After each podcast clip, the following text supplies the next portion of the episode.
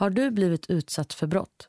Brottsofferjouren ger kostnadsfritt stöd till dig som är brottsutsatt, vittne eller anhörig. Du behöver inte ha polisanmält och du kan vara anonym. Ring oss på telefonnummer 116 006. Vad är jag som individ under för påverkan? Vad har jag för beteenden idag som jag inte hade för tre år sedan?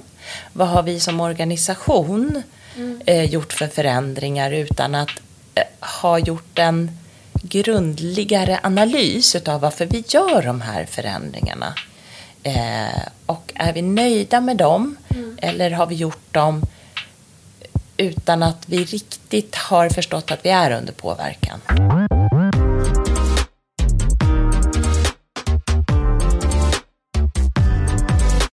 Välkomna till vårt eh, femte poddavsnitt idag. Eh, jag heter Cornelia, jag kommer från Brottsofferjouren Sverige och eh, idag kommer vi i vår podd Brottsofferjouren möter prata med Filippa.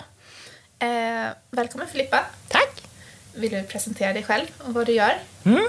Jag heter Filippa Borg och jag har ett företag som heter Hantera Agera tillsammans med en journalist som har levt med hot eh, och obehagligheter skulle vi kalla det för idag. Mm. Mm. Och vad gör ni? Vad, vad, vad, hur kommer du i kontakt med hot och hat? Hur har du arbetat med de frågorna? Mm, jag har en bakgrund eh, inom polisen. Eh, jobbat med polisutbildning, eh, jobbat på Säkerhetspolisen eh, och det är ju en del frågor som eh, finns där också, hur man hanterar det här modeller för eh, att vara under stress, vad det gör med en som vi tror är andra till hjälp att förstå hur människor fungerar. Så både hot mot journalister men också hot mot poliser och andra tjänstemän också skulle jag gissa? Ja, vi har väl framförallt fokuserat på de som är utsatta för påverkan vad det mm. gäller just eh, det fria ordet. Och det okay. är ju journalister och det är politiker och eh, konstnärer, men de har vi inte jobbat så mycket med. Eh, och sen jobbar vi väldigt mycket med bibliotekarier också eftersom det är en av de få offentliga plats, öppna platserna idag. Just det. Mm. Och hur blir bibliotekarier utsatta för hot? Jag skulle säga att det är ganska ovanligt att de blir utsatta för hot. Mm. Däremot så är det, kan det vara en väldigt stökig miljö eh, där det händer mycket mellan de, de som kommer och besöker biblioteken. Och eh, det är sånt som då kan vara svårt att separera. Vad är det som är riktat mot mig? Vad är det som är mitt ansvar för alla de som kommer och besöker biblioteket? Bibliotekariet har väldigt mycket ansvar för alla. Mm. Så skulle jag vilja säga. Och då är det lätt att det bygger på.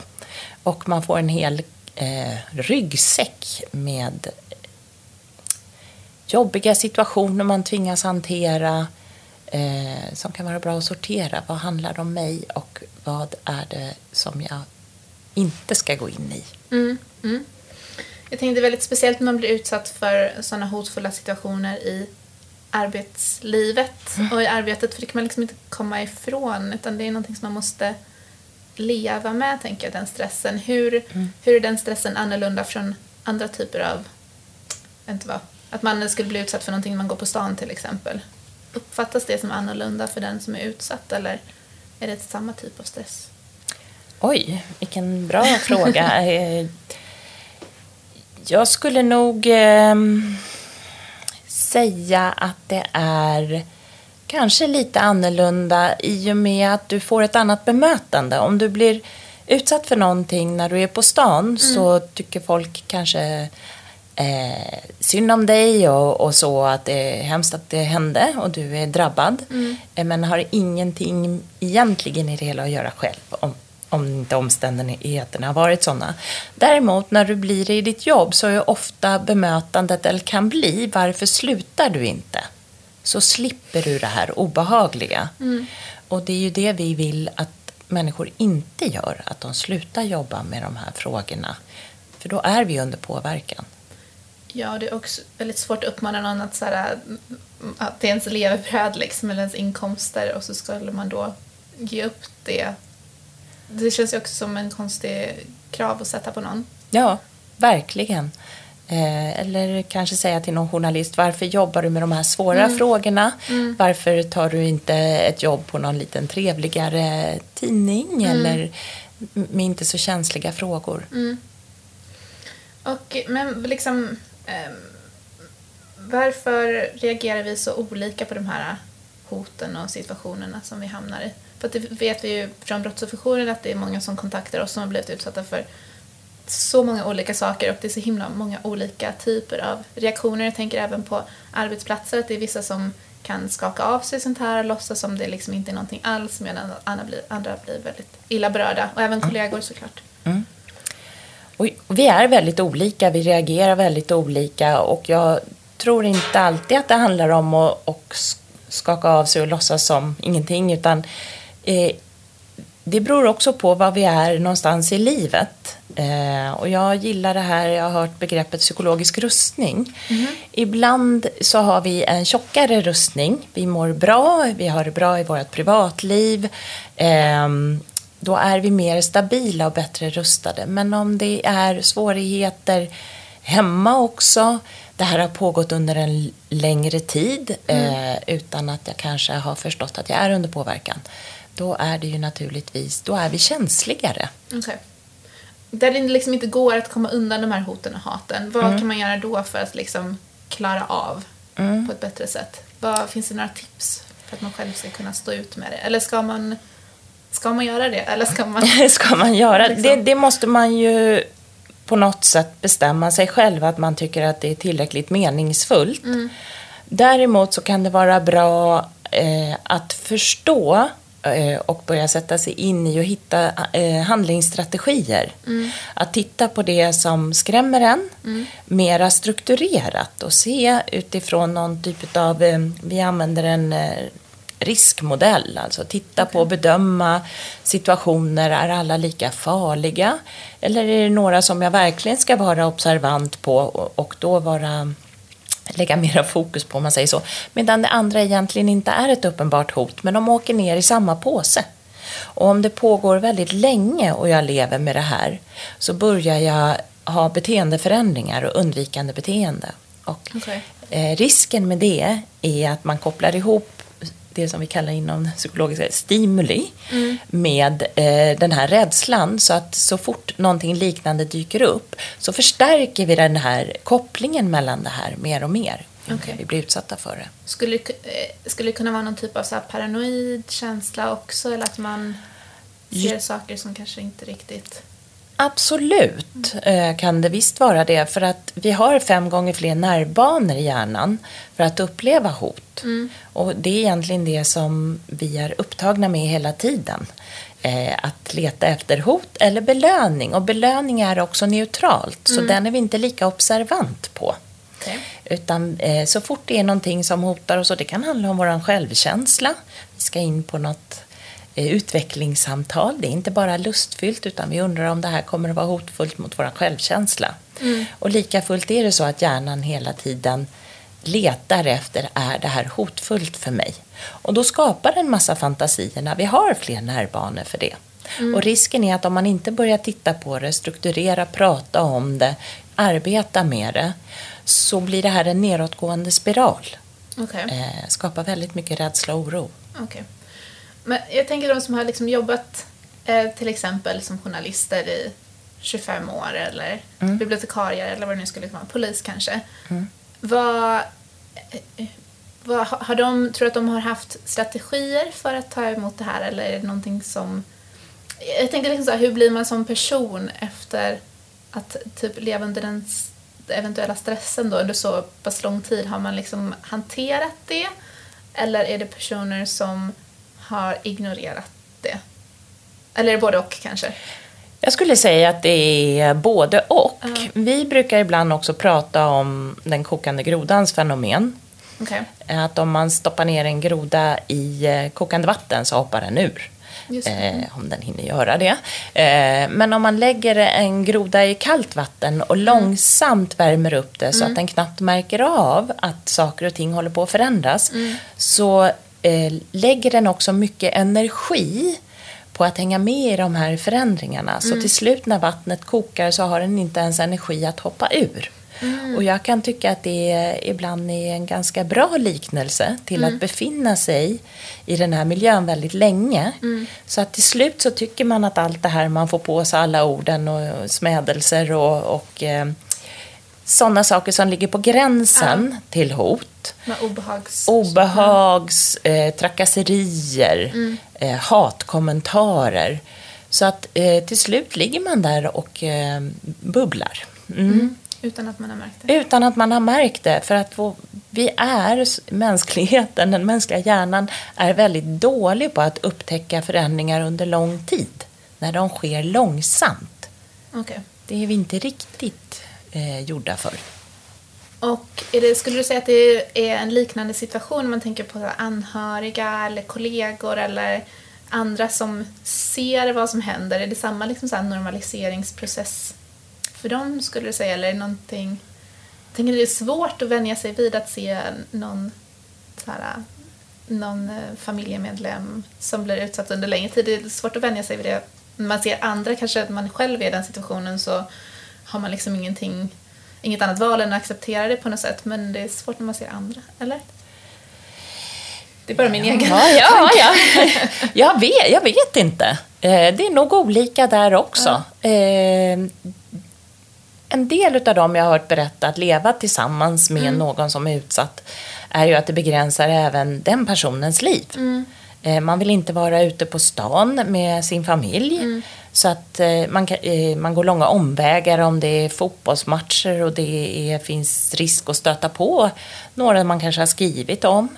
Ehm, ja, man kanske inte berättar för grannar vad man jobbar med. Eh, så det är väldigt mycket undvikande beteende som man dras in i tillsammans med den som är utsatt, som man lever med. Okej, jag förstår.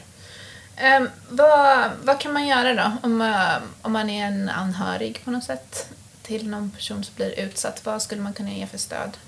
Och vad kan man göra för sin egen skull då eftersom man också själv blir utsatt för det här eller kommer i en situation där man begränsar sitt eget beteende?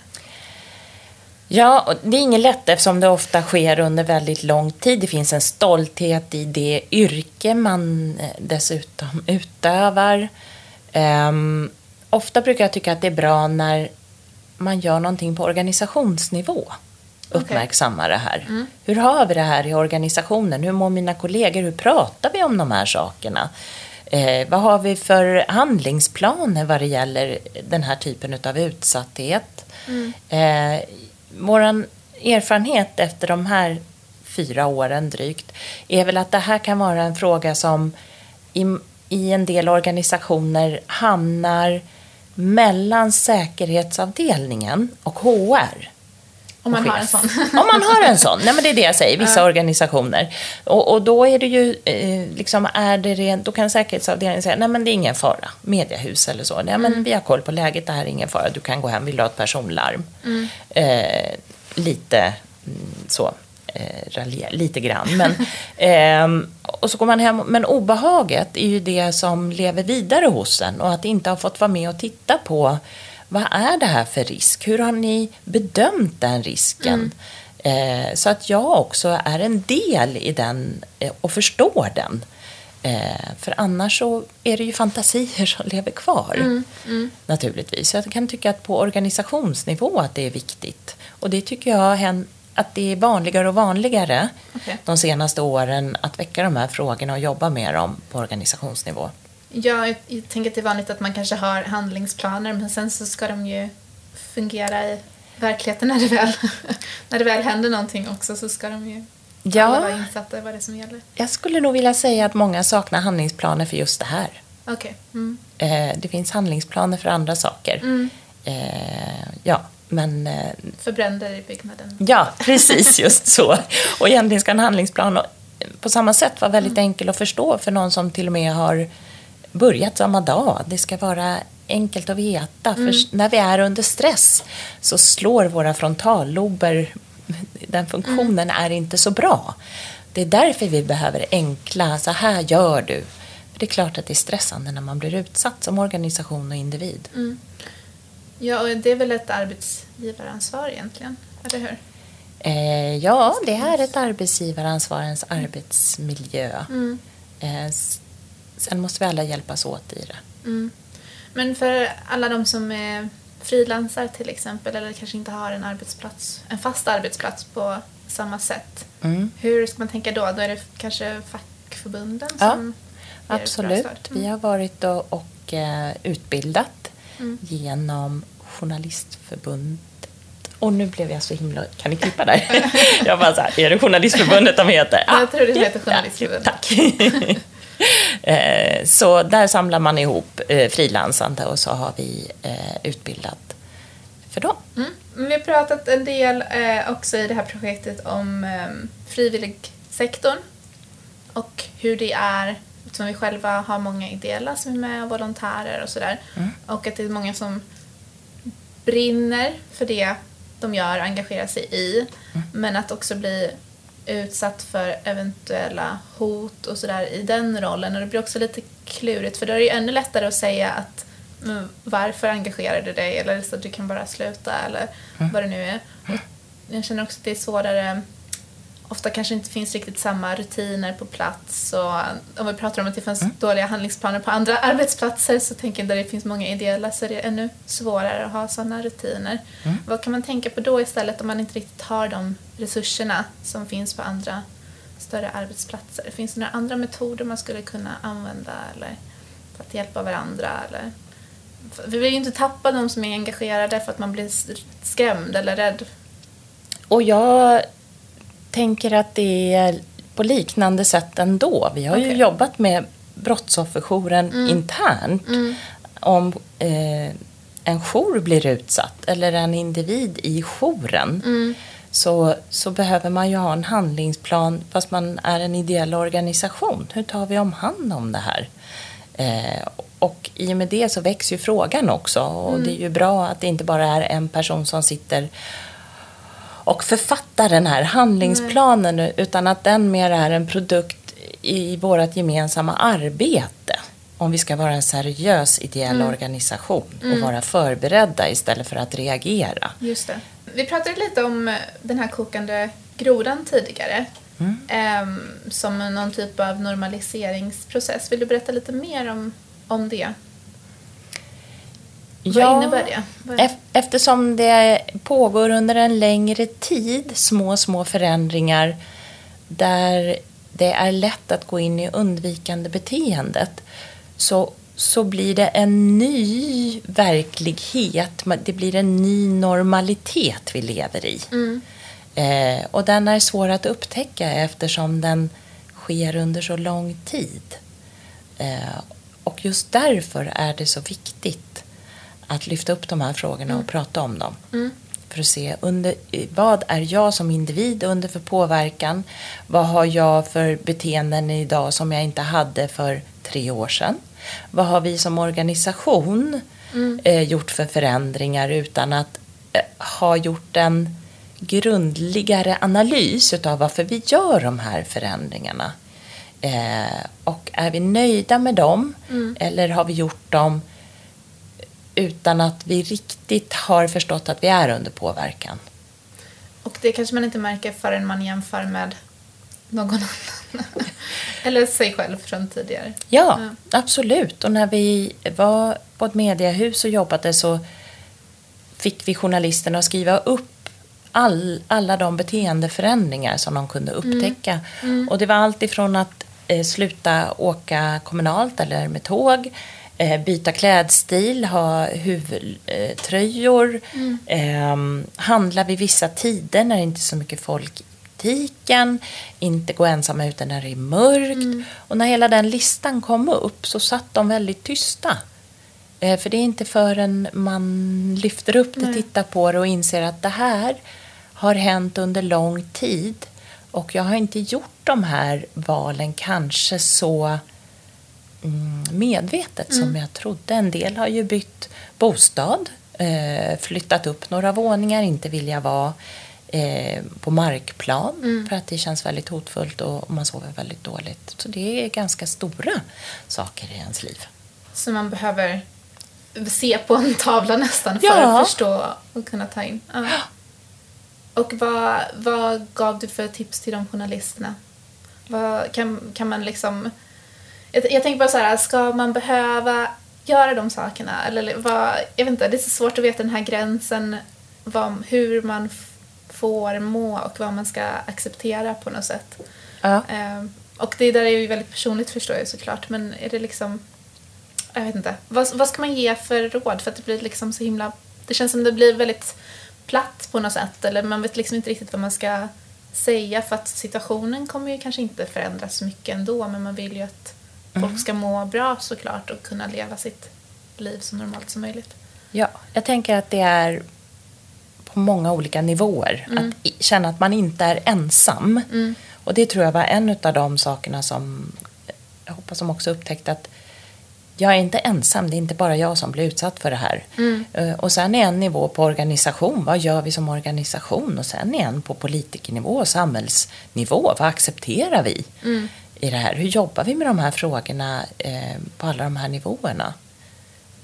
Och, och hur, hur tycker du att det har varit i samhället om jag får fråga alltså, din egen analys kring kanske de senaste fem tio åren? Har det blivit värre? Har det blivit bättre? Har man lyft det mer på de här högre nivåerna? Eller? Ja, det tycker jag. Eh, alltså Fojo, eh, för journalisternas del, har jobbat väldigt aktivt med de här frågorna de senaste fyra, fem åren. De kanske har jobbat ännu längre, så hoppas ingen blir sur nu för att jag inte har riktigt bra koll på. Men de har absolut lyft det här. Eh, Konstnärsförbundet har också lyft och jobbar med de här eh, frågorna för att vi ska våga utöva vår våran konst helt enkelt. Ehm, politiker jobbar mycket med det här, ännu mer idag. Hur det påverkar att bli, ehm, behöva sitta i en funktion och ta emot allt det här, speciellt eh, digitalt, sociala medier. Eh, kommunikatörer är en utsatt Just grupp idag hur eh, man ska vara nära medborgarna. Men hur mycket mäktar man med? När är man för nära? När behöver man säga nu räcker det, nu behöver jag ta en paus. Det här förändrar min syn på samhället. För nu får jag bara eh, in en massa negativt. Mm. Ja, och man kan väl säga att det är en... Alltså svåra... När det väl blir polisanmälningar så är det också så här låg uppklaringsprocent kan man ju säga. Och vad ska man göra då? då? Man anmäler och anmäler och sen så blir det ändå ingenting av det. Alltså vad... Det måste ju också vara väldigt nedslående liksom, om man blir utsatt för brott eller man blir utsatt för hot och man får ta emot det här hela tiden och sen så blir det liksom inget mer av det. En skitjobbig känsla liksom, att det inte blir taget på allvar. Och det handlar ju egentligen inte om att bli tagen på allvar, det hoppas Nej. jag verkligen. Utan det finns inte tillre- tillräckliga rekvisit. Okej. Eh, och då, kan man, då har vi ju juridik som vi behöver förhålla oss till. Däremot, de samtal vi har haft med polisen och när de har varit med här också i projektet i Brottsofferjouren så säger de anmäl. De har ju en speciell grupp för att omhänderta det här. Eh, så att man ska inte hamna i samma brottskategorier som mord och våldtäkt och den typ, utan man ska ha en snabblina in. Eh, och då gäller det att man också eh, berättar när man ringer att det här beror på det yrke jag har eller eh, det jag eh, utför ideellt. Eh, och eh, det kan ju vara så att det man anmäler inte blir någonting just nu. Men det kan ju bli någonting längre fram. Och det är dessutom en signal, för det sparas ju anmälan, om hur vi har det just nu.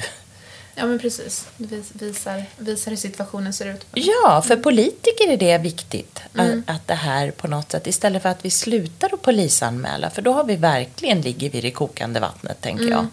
Utan det här är ju ett sätt att hela tiden larma om eh, hur det står till. Mm. Eh, Men jag tänker på alla de här personerna som, eh, som vi vet blir utsatta eh, och så har man, försöker man göra polisanmälan så ofta som möjligt. Och sen så har vi också mycket i media och man hör de här personerna när de inte orkar göra fler polisanmälningar. För att det måste ju också leda till en känsla som är väldigt så här uppgiven att det inte leder någonstans. Och då, jag, vet inte, det, jag tycker också är lite svårt att avgöra när vi, upp, försöker ju också uppmana folk till att polisanmäla. Men är det någonting som man inte vill göra så måste man också ha förståelse för att det är liksom för jobbigt för att man känner att det inte kommer leda någon vart och då måste man gå igenom hela den processen igen och igen och bli besviken. Liksom. Mm, absolut. Så det, ja, jag, jag tycker alltid det är lite svårt att, um, det är en svår avvägning att göra, svår att alltid så här, det är upp till den som blivit utsatt liksom. Men det, det är många som, som kontaktar oss och vill ha rådgivning och då är det svårt att veta vad man ska säga gällande det tycker jag. Ja, absolut är det upp till var och en. Men ibland tror jag att vi inte alla har en inblick i rättsprocessen eller polisens arbete. För jag tycker ändå de försöker gå ut med information om eh, låt oss göra bedömningen. Gör inte bedömningen själv. Utan upplever du det här som ett hot eller trakasserier eller så. Låt oss göra den bedömningen. Anmäl det så, så jobbar vi. Och, och den, den skulle jag vilja komma ut mer Mm. faktiskt. Att, eh, du behöver inte fundera över om det är över gränsen eller inte. Mm. Och att det liksom... Jag vet inte, att det, man tänker att det behöver inte vara ett så... Själva polisanmälan i sig behöver inte vara det stora steget att göra utan att det ska vara liksom mer en naturlig sak som man gör om man blir utsatt för vilket brott som helst. Ja. Eh, och sen, eller man tror att man har blivit utsatt för ett brott. Liksom. Eh, och sen så blir det upp till polisen att, att ta hand om det och, och utreda. Men jag tänker också när man liksom bygger upp det, jag vet inte, det, är svår, det är lite svårt för mig att säga men man kan lätt bygga upp en grej av att själva polisanmälan är en väldigt, väldigt stort st- ett stort kliv. Mm. Och då såklart när man har gjort det klivet och sen så att det inte blir någonting av det så blir det ju såklart en känsla av, av besvikelse och, och sådär. Men om man tänker att det bara är ett naturligt steg och en del av våran, vårat samhälle och en samhälls... Vad ska man säga? Någonting som, som erbjuds oss som samhällsmedborgare så det kanske blir lite, lite mer naturligt och inte lika eh, dramatiskt helt enkelt att göra själva polisanmälan i sig. Och också, eh, naturligtvis är vi olika, men för en del kan det vara skönt att också markera det här är inte okej. Mm. Faktiskt. Eh, och, och göra det i form av en polisanmälan. Mm. Det, här, det här borde inte jag behöva stå ut med. Ja, men precis. Mm. Ja, men det är lättare att hantera själva traumat i sig då. Mm. Jag har stått upp för mig själv. kliv- Ja, ett Mm. första steg. Och sen så är det liksom inte upp till en själv vad som hände sen utan det är någon annan som får ta det ansvaret. Och göra den bedömningen. Mm. När man kommer in i ett sånt här skarpt läge och man blir utsatt för någonting eh, väldigt stressande, vad är det liksom den naturliga reaktionen som man får då? Är det någonting som man... Och vad är det man borde göra? Och vad, vad gör man? Och jag, är, äh, agerar man logiskt i sådana situationer? Och vad kan man göra åt det? ja, nej, det gör vi ju inte. Eh, för det, de här stresshormonerna, adrenalin och kortisol, påverkar frontalloberna. Eh, och blodtillförseln till frontalloberna eh, tas till andra delar av hjärnan som handlar mer om att fly eller eh, slåss. Vi ska inte stå och fundera på vad vi ska göra för länge, för då kan det vara för sent helt enkelt. Så det är så här vår gamla hjärna fungerar när vi har mött hot. Dessvärre idag så, så reagerar vi likadant på hotfulla situationer som kommer digitalt. Apropå Okej. det här med sociala medier eh, så är det samma larmsystem som slår på. Som om vi möter det eh, i det fysiska rummet. Okej. Och hur fungerar det larmsystemet? Det larmsystemet fungerar som så att eh, vi kommer fokusera all vår energi, all vår blodtillförsel till att ehm, gå ut till musklerna Okej. för att kunna springa fort eller för att kunna slåss.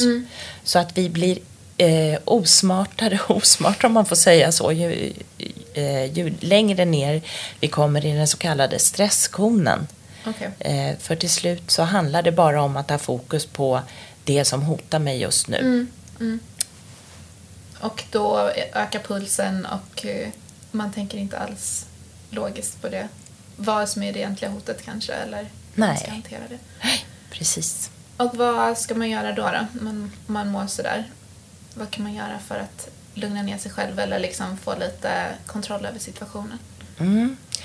Eh, det beror ju på vad det är situationen, Mm. vad det är för situation. Jag tänker att det kommer digitala hot då, som du tog upp som exempel. Ja. Eh, eller någon skriver någonting eller jag vet inte, någon som skriver ut ens eh, adress till exempel. Eller något som kan kännas väldigt hotfullt och väldigt nära och personligt helt plötsligt. Att det är någon som vet vart man bor eller Mm. någon sån där grej. Vad, och, och, man- och man liksom kommer i den här stress, stresssituationen och kan inte riktigt alls tänka tä- tänka logiskt eller liksom få kontroll över situationen. Vad, vad ska man göra? Mm.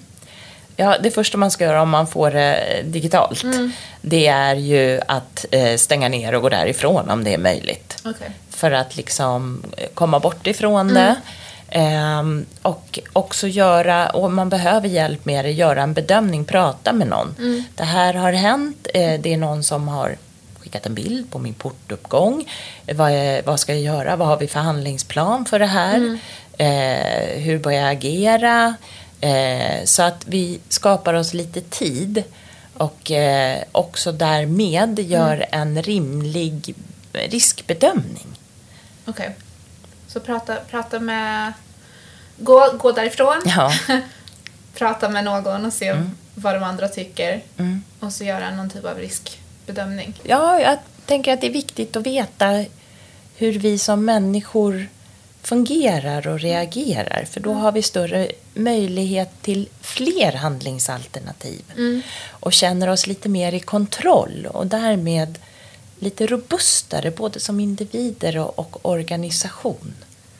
Och nästan öva lite in. Alltså, Absolut! som som Ja. man har sina brandövningar så kan man lika Ja. gärna ha sina hotövningar. Ja, som man har sina brandövningar så att det inte bara blir en handlingsplan som ligger och dammar i någon perm eller i- inne i något sy- system i någon, eh, ja, vad man nu, vad man nu eh, förvarar sina handlingsplaner digitalt. Utan att de är en del utav arbetsplatsträffar eh, där man pratar om dem, eh, uppdaterar dem Eh, och också utifrån ett lärandeperspektiv, för det glömmer vi ofta tycker jag. När det har varit en händelse, då är det ofta fokus på vad som kanske inte blir bra eller allt det negativa, just för att vi har fem, gånger fler nervbanor för hot.